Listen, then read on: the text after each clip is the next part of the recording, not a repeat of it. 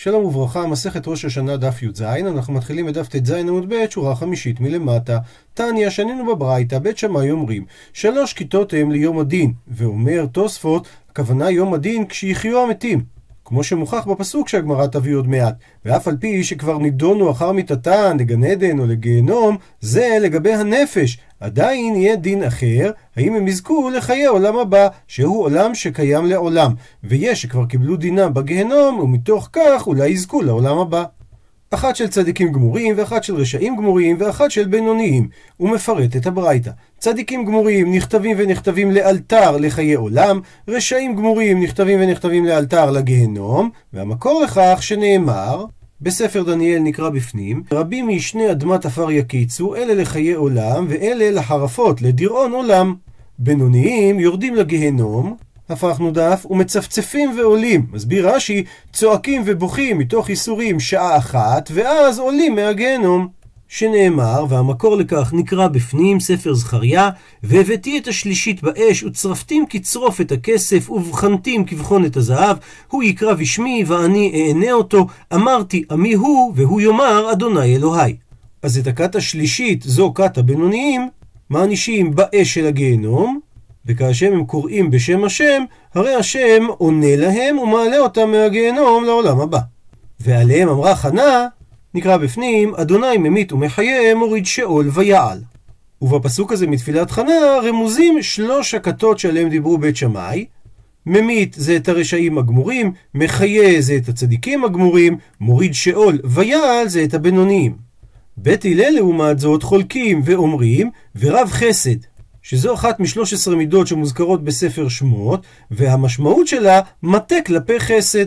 שהרי לבינוניים יש מחצה על מחצה הזכויות והעוונות, אז השם מטה את ההכרע לצד הזכות, אז הם לא יורדים בכלל לגיהנום. ועליהם אמר דוד את הפסוק, אהבתי כי ישמע השם את קולי, כי דוד הגדיר את עצמו כבינוני, ולכן הוא התפלל אל השם שיטה אותו כלפי חסד, ועליהם, דהיינו על כת הבינוניים, אמר דוד כל הפרשה כולה שמתחילה בדלותי וליהושיע. שכל הפסוקים שמדברים על עניין הבינוניים, כמו הפסוק הזה, אני דל מהמצוות ובכל זאת השם מושיע אותי. וממשיכה הברייתא, פושעי ישראל בקופן ופושעי אומות העולם בגופן, הם יורדים לגיהנום ונידונים בה י"ב חודש. לאחר י"ב חודש גופן קלה ונשמתן נשרפת, ורוח מפזרתן תחת כפות רגלי צדיקים. והמקור לכך שנאמר בספר מלאכי נקרא בפנים, ועשותם רשעים, כי יהיו אפר תחת כפות רגליכם ביום אשר אני עושה, אמר אדוני צבאות. והמילים ועשותם רשעים, הכוונה שאתם תמעכו, תדרכו על הרשעים, כי הם יהיו אפר תחת כפות רגליכם. אבל, מסייגת הברייתא, יש אנשים שהעונש שלהם בגיהנום הוא לנצח. המינים והמסורות והאפיקורסים שכפרו בתורה ושכפרו בתחיית המתים ושפירשו מדרכי ציבור ושנתנו חיטתם בארץ חיים ושחטאו והחטיאו את הרבים כגון ירובעם בן נבד וחבריו כל הרשימה הזאת יורדים לגיהנום ונידונים בה לדורי דורות. הוא מסביר רש"י שהמינים זה אנשים אשר הפכו דברי אלוהים חיים לרעה כגון צדוקים ובייטוסים ויש גרסאות ששם רש"י מביא תלמידי ישו הנוצרי והמסורות זה המלשינים שמוסרים המון ישראל ביד העובדי כוכבים, מה שנקרא מויסר. אפיקורס זה מי שמבזה תלמידי חכמים. ושכפרו בתורה הכוונה שאומרים אין תורה מן השמיים. ושפירשו מדרכי ציבור, רש"י אומר לא לגרוס את זה, כי הרי זה בעצם כל הרשימה שהופיעה פה. הוא מוכריח רש"י את דבריו ממה ששנוי בסדר עולם, ששם גורסים שאותם אנשים שבירשו מדרכי ציבור, כגון הרשימה הזאת, המינים והמסורות וכולי. וצריך להבין מה הבעיה של מי שפורש מדרכי ציבור. הוא לא עושה שום דבר רע, הוא רק לא נמצא יחד עם שאר האנשים. כדי לענות על שאלה זו, נביא את פירושו של רבנו יונה בשערי תשובה. רבי יונה גרינודי, ידוע גם בשם החסיד, היה רב בתקופת הראשונים וחיבר את הספר שערי תשובה. הוא היה בן דוד של הרמב"ן, ובתו התחתנה עם בנו של הרמב"ן. רבנו יונה, יחד עם הרב שלו, החרימו את ספרי הרמב"ם, דבר שגרם לפולמוס קשה בעם היהודי באותה תקופה, והשתתפו בפולמוס הזה גם הרד"ק, הרמב"ן ועוד גדולי הדור. לדברי תלמידו רבי הלל ברבי שמואל, גרם רבנו יונה לשרפת ספרים אלה על ידי כמרים בפריז בשנת 1244, ושרפה זו גרמה בהמשך גם לשרפת התלמוד ולגזרות קשות על יהודי צרפת. רבנו יונה שראה את זה התחרט על מעשיו, כי ראה בזה דין שמיים ונקמת השם לכבוד הרמב"ם. הוא קיבל עליו להשתטח על קבר הרמב"ם מארץ ישראל ולבקש מחילתו, אבל הוא נפטר לפני כן. אברהם גרוסמן סובר שדברים אלה יצאו מחוג תלמידי הרמב"ם ואין להם עימות היסטורי. שערי תשובה זה חלק מספר גדול יותר בשם שערי צדק, אותו מזכירים בני הדור שאחריו, אבל אלינו זה לא הגיע. הוא נודע גם כבעל חריפות ועוצמה למדנית גדולה מאוד בעולם התלמידי, אבל כיום נשארו לנו רק חידושיו למסכת בבא בתרא בספר הנקרא בשם עליות דרבנו יונה. וכך כותב רבנו יונה בשערי תשובה קס"ח ועתה נפרש עניין עונש הפורשים מדרכי ציבור וכי הוא נכלל בעונשי הכתות שהקדמנו. בהתאסף ראשי עם וקהילות הקודש לעבוד את השם יתברך ומסכימים הסכמות להעמיד להם מצווה. הנה הם מקדישים את השם יתגדל ויתקדש. והקדוש ברוך הוא מתעלה ומתעלל בעולמו באספתם ועבודתם. והאיש הפורש מדרכי הציבור הנה הוא כמקטרג על הסכמת עבודת השם וכיוצא מכלל המקדשים את השם הוא מראה עצמו כי לא יחפוץ להיות בסודם ולהיכתב בכתבם, אז הנה הוא מחלל את העבודה, והוא בכלל הכתות שזכרנו, שהם בוזים דבר השם, ואין להם חלק לעולם הבא. דבר שני, אומר רבנו יונה, כי הם מניעים לב חלושי הדעות בפרישתם מדרכי הציבור, ולכן הם אינם מן המחטיאים את הרבים.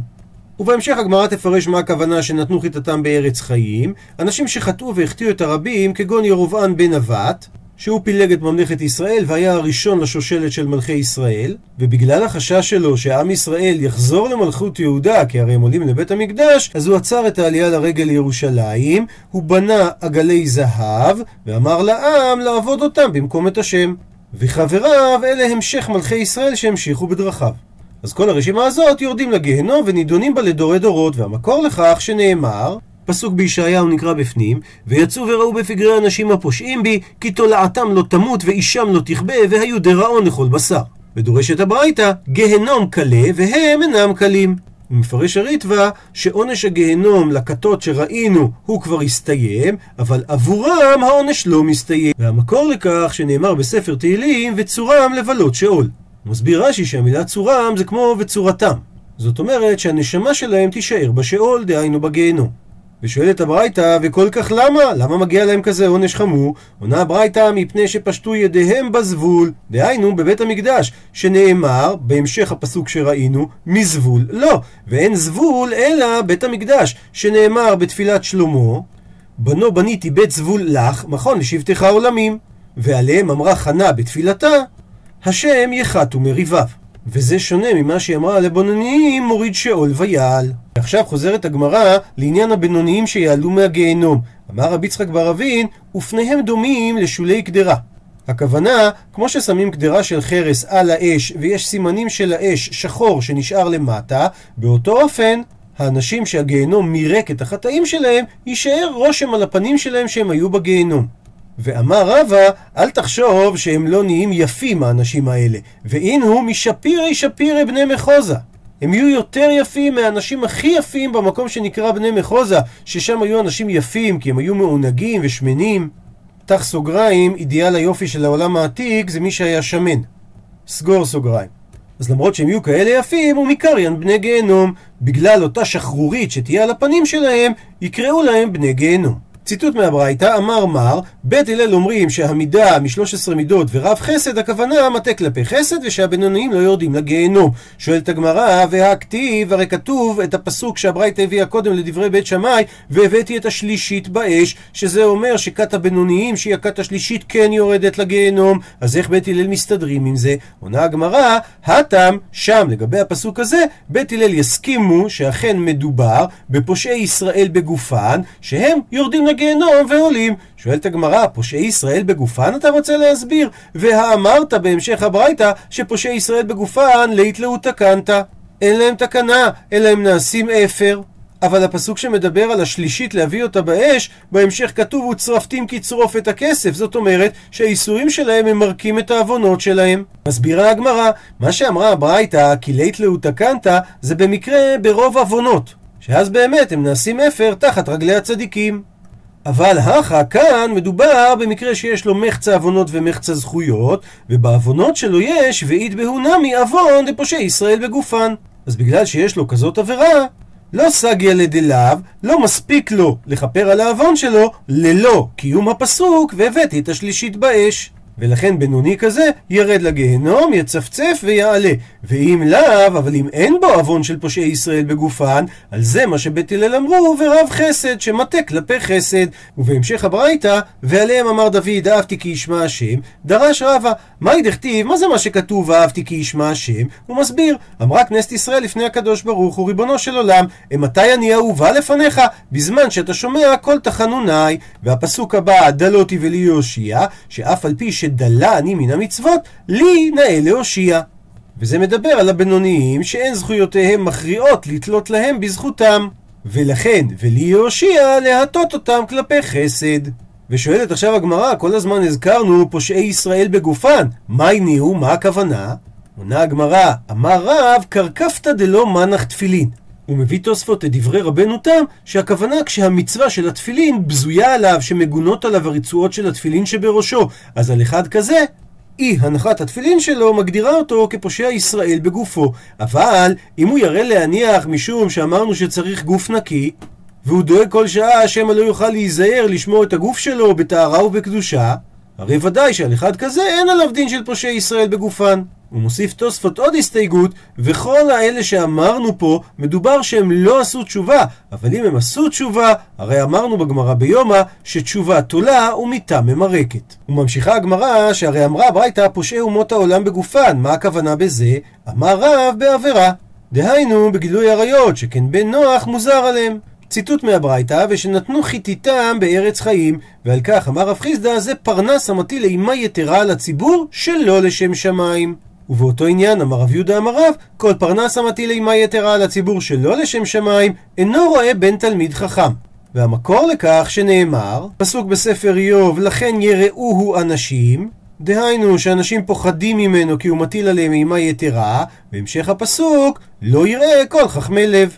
הוא לא יזכה לראות בן תלמיד חכם. ציטוט מהברייתא בית הלל אומרים שהיא אחת מי"ג מידות ורב חסד, הכוונה שהשם מטה כלפי חסד, ואדם יוצא זכאי בדין. שואלת הגמרא, איך יעביד, איך זה בפועל עובד? מביאה הגמרא שלוש אפשרויות. תשובה ראשונה, רבי אליעזר אומר כובשו, דהיינו, שם משקל יתר על הכף של המאזניים עם הזכויות, וממילא הבן אדם יוצא זכאי בדין. והמקור שנאמר, ישוב ירחמנו יכבוש עוונותינו. הדעה השנייה, רבי יוסי בר חנינא אמר, נושא, דהיינו, הוא מרים את הכף של החטאים, וממילא הכף של הזכויות היא המנצחת, שנאמר, המקור לכך, נושא עוון ועובר על פשע.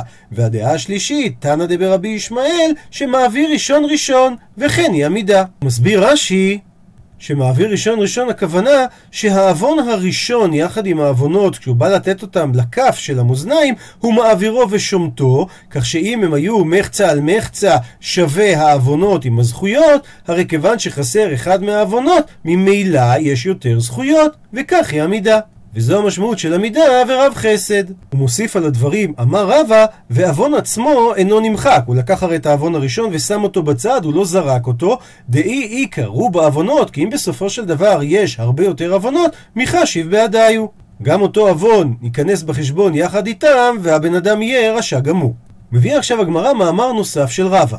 ולפי גרסת מסורת הש"ס צריך לקרוא רבא אמר כל המעביר על מידותיו מעבירים לו על כל פשעיו שנאמר נושא עוון ועובר על פשע זאת אומרת למי נושא עוון? למי שעובר על פשע שאחד כזה שלא מקפיד עם אחרים אז גם אין מידת הדין מדקדקת אחריו אלא מנחת לו. הוא מספר את הגמרא רב הונא ברי בנו דרב יהושע חלש הוא היה חולה וכבר גוסס כנראה על רב פאפא לשיולי בי, רב פאפא הגיע לבקר אותו, חזיה דחל לשלי עלמא, הוא ראה שהוא כבר מת. אמר לו, לבני הבית, צביתו לי זוודתא. הכינו לו צידה לדרך, והכוונה תכינו תכריכים. מספרת הגמרא, לסוף יטפח. בסופו של דבר רב הונא לא מת, אלא התרפא. ואז אבי מיכסף היה מתבייש רב פאפא למיכסי. כי איך הוא יראה אותו? הוא אמר, הוא כבר הכריז עליו שהוא מת, תכינו לו תכריכים. אמר לי, בסוף כשהוא פגש אותו, אומר רב פאפא לרב הונא, מהי חזית? מה בדיוק ראית במוות הקלינה שהיית בו? אמר לו, עונה לו רב הונא, הנה אחיה, ובאמת כך היה, הייתי אמור למות, אלא מה? אמר לו הקדוש ברוך הוא, לבית דין של מעלה, הואיל ולא מוקים במילי, לא תקומו בהדי. בגלל שרב הונא לא מעמיד על מידותיו, אז אתם גם לא תדקדקו אחריו.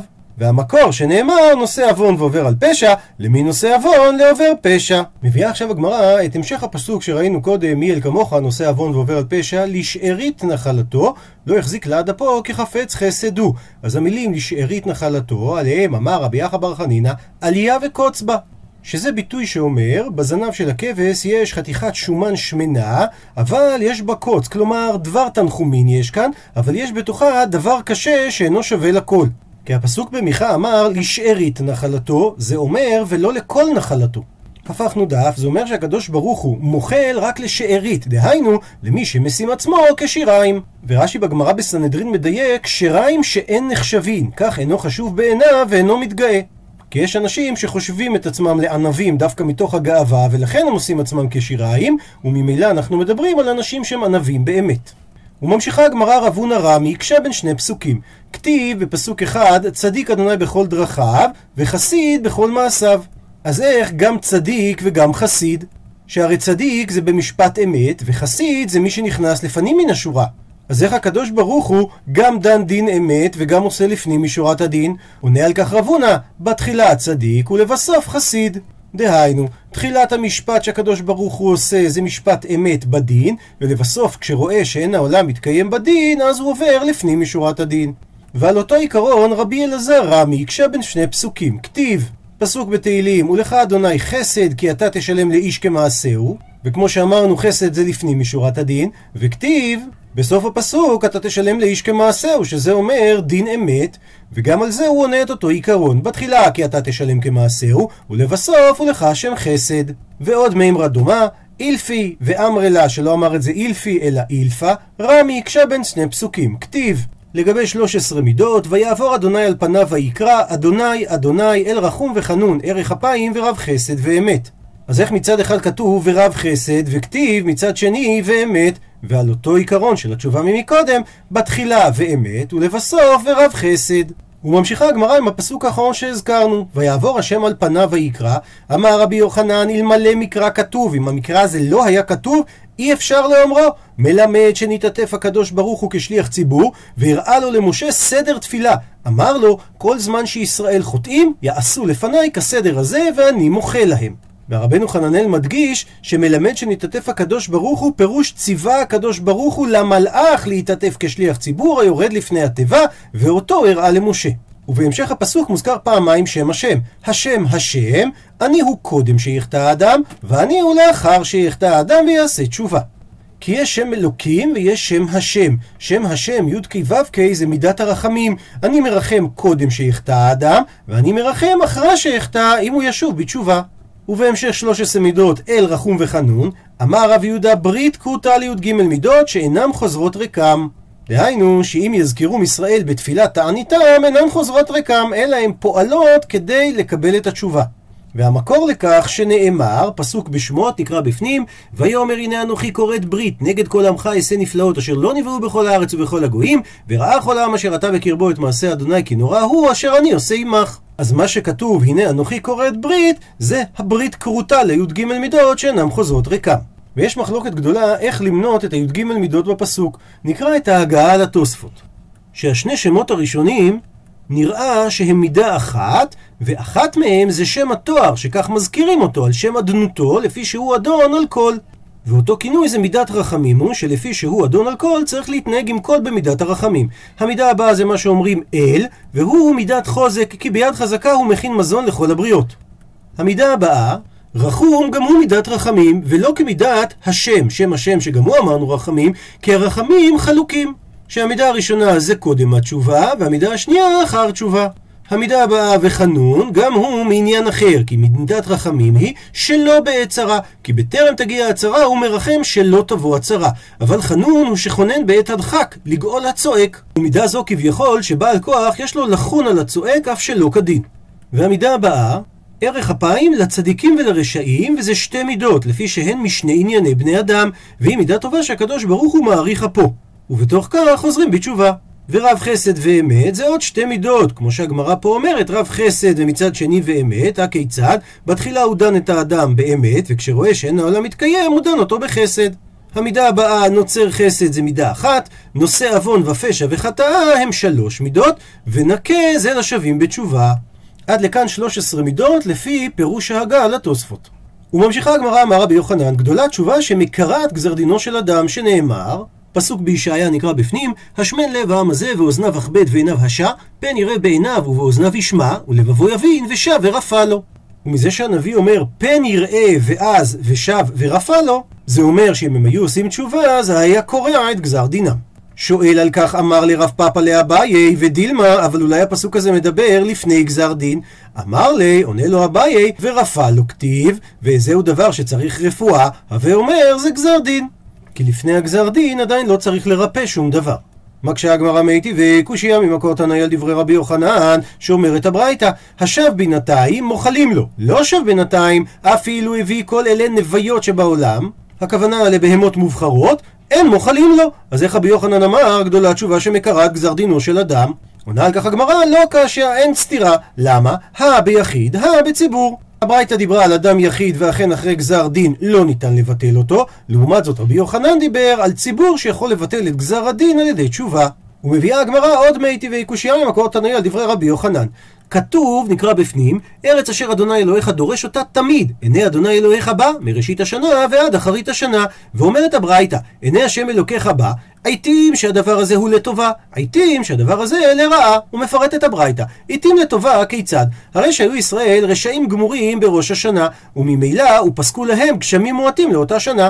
לסוף, דהיינו בהמשך אותה שנה, חזרו בהם ונהיו עכשיו צדיקים, אז להוסיף עליהם על המעט גשמים שאמרו אי אפשר. למה? שכבר נגזרה הגזרה, אלא הקדוש ברוך הוא מורידם בזמנם על הארץ הצריכה להם. ובאופן כזה, הכל לפי הארץ, וממילא גם הגשמים המועטים מספיקים כברכה. ומצד שני, עתים לרעה. כיצד? הרי שהיו ישראל צדיקים גמורים בראש השנה, וממילא ופסקו עליהם גשמים מרובים על אותה שנה. לסוף, אבל בהמשך אותה שנה חזרו בהם, דהיינו הם נהיו רשעים, אז לפחות מהן מאותם גשמים מרובים אי אפשר שכבר נגזרה הגזרה בראש השנה, אלא מה עושה הקדוש ברוך הוא? מורידן שלא בזמנם ועל הארץ שאינה צריכה להם. עד לכאן לשון הברייתא, ושואלת הגמרא, לטובה מי הליקארי לגזר דיניו ולא הוסיף להו? אם נכון מה שרבי יוחנן אמר, שגדולה תשובה שמקרת גזר דינו של אדם, אז כאשר הגזר הדין צריך להפך לטובה, מיה הרי היה צריך לקרוע את גזר הדין הרע ולהוסיף להו, ולהוסיף להם על הגשמים המועטים שפסק להם מתחילה. אבל אנחנו רואים שהברייתא אמרה שלהוסיף עליהם אי אפשר שכבר נגזרה הגזרה. מתרצת הגמרא, שאני הטם דאפשר בהכי. שונה הדבר שם בברייתא, בגלל שמדובר שאפשר להשאיר את הגזרה כמו שהיא בלי לשנות אותה, ועדיין להוריד את זה בזמן המתאים ועל מה שבדיוק צריך, וככה זה הופך לטובה. ממשיכה הגמרא בעוד קושייה על רבי יוחנן, תשמע בושמע הוכחה. כתוב בתהילים לגבי יורדי הים, יורדי הים באוניות עושה מלאכה במים רבים. וכל המשך הפסוקים שם ברצף, המה ראו מעשה השם וגומר, ויאמר ויעמד רוח שערה ותרומם גליו, יחוגו וינועו כשיכור וגומר, ויצעקו אל השם בצר להם וגומר, יודו להשם חסדו וגומר, עשה להם סימניות כאחים ורקים שבתורה. מסביר רש"י, שבין פסוק לפסוק יש סימנים הפוכים כזה, נון הפוכה כזאת. ניתן לראות את זה פה בצילום מספר הכתר, והסימנים האלה הם כמו אחים ורקים, כמו אח, כמו המילה רק, שהם מיעוטים. וזה בא לומר לך שאם צעקו קודם גזר דין, אז הם נענים, אבל אם צעקו לאחר גזר דין, אינם נענים, וממילא זה סותר את מה שאמר רבי יוחנן, מתרצת הגמרא, הני נמי, גם כאן, מה מדובר? כיחידים דמו. שיורדי הים, אפילו שזה הרבה אנשים באונייה אחת, הם נחשבים כיחידים ולא כציבור. ומביאה הגמרא קושייה נוספת על דברי רבי יוחנן, תשמע בו שמע הוכחה. שאלה בלוריה הגיורת את רבן גמליאל, כתיב בתורתכם, ויש כאלה שלא גורסים את המילה בתורתכם, כי אם היא כבר הייתה גיורת, אז זה גם התורה שלה, אבל ניתן לומר שהיא נקראת גיורת, והיא שאלה את זה לפני, או במהלך התהליך. אז כתוב בתורה נקרא בפנים, כי אדוני אלוהיכם הוא אלוהי האלוהים ואדוני האדונים, האל הגדול הגיבור והנורא, אשר לא יישא עניים ולא ייקח שוחד. ומצד שני וכתיב, בברכת כהנים יישא אדוני פניו אליך וישם לך שלום. אומרת הברייתא, נטפל לה רבי יוסי הכהן, והביטוי נטפל כי היא שאלה את רבן גמליאל ורבי יוסי הכהן קפץ לענות. אמר לה, אמשל לך משל למה הדבר דומה? לאדם שנושה בחברו מנה. שהוא הלווה לחבר שלו מנה, והחבר צריך להחזיר לו, וקבע לו זמן בפני המלך, ונשבע לו, אותו אחד שלווה ממנו את המנה, בחיי המלך, מתי הוא יחזיר? הגיע הזמן, ולא פרעו, אז אותו אחד שנשבע בחיי המלך, בא לפייס את המלך, ואמר לו המלך, עלבונים מכרו לך, אבל לך ופייס את חברך.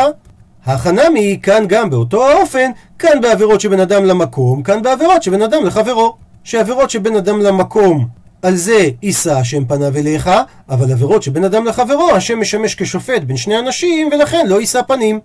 אבל הפירוש הזה החזיק רק עד שבא רבי עקיבא ולימד, הפכנו דף, כאן קודם גזר דין, שהפסוק יישא השם פניו אליך זה לפני גזר הדין, כאן הפסוק שאומר אשר לא יישא פנים זה לאחר גזר דין, וממילא זה סותר את דברי רבי יוחנן שאמר שתשובה יכולה לקרוע את גזר הדין. מתרצת הגמרא, החנמי ביחיד. ההבחנה שאמר רבי עקיבא קודם גזר דין ואחרי גזר דין זה רק לגבי יחיד. ומה שאמר רבי יוחנן זה לגבי ציבור. שואל תוספות הרי הגמרא יכולה הייתה לתרץ כמו שהיא אמרה במסכת נידה שהקדוש ברוך הוא מסביר למלאכי השרת איך הוא לא יישא פנים לישראל? הרי הוא אמר ואכלת ושבעת וברחת ובני ישראל מדקדקים אפילו עד כזית עד כביצה. אז מגיע להם שיישאו פנים. מסביר תוספות שניתן להאמין שבאמת לישראל נושאים פנים לפני גזר דין אבל לא נושאים להם פנים אחרי גזר דין עד לכאן דף י"ז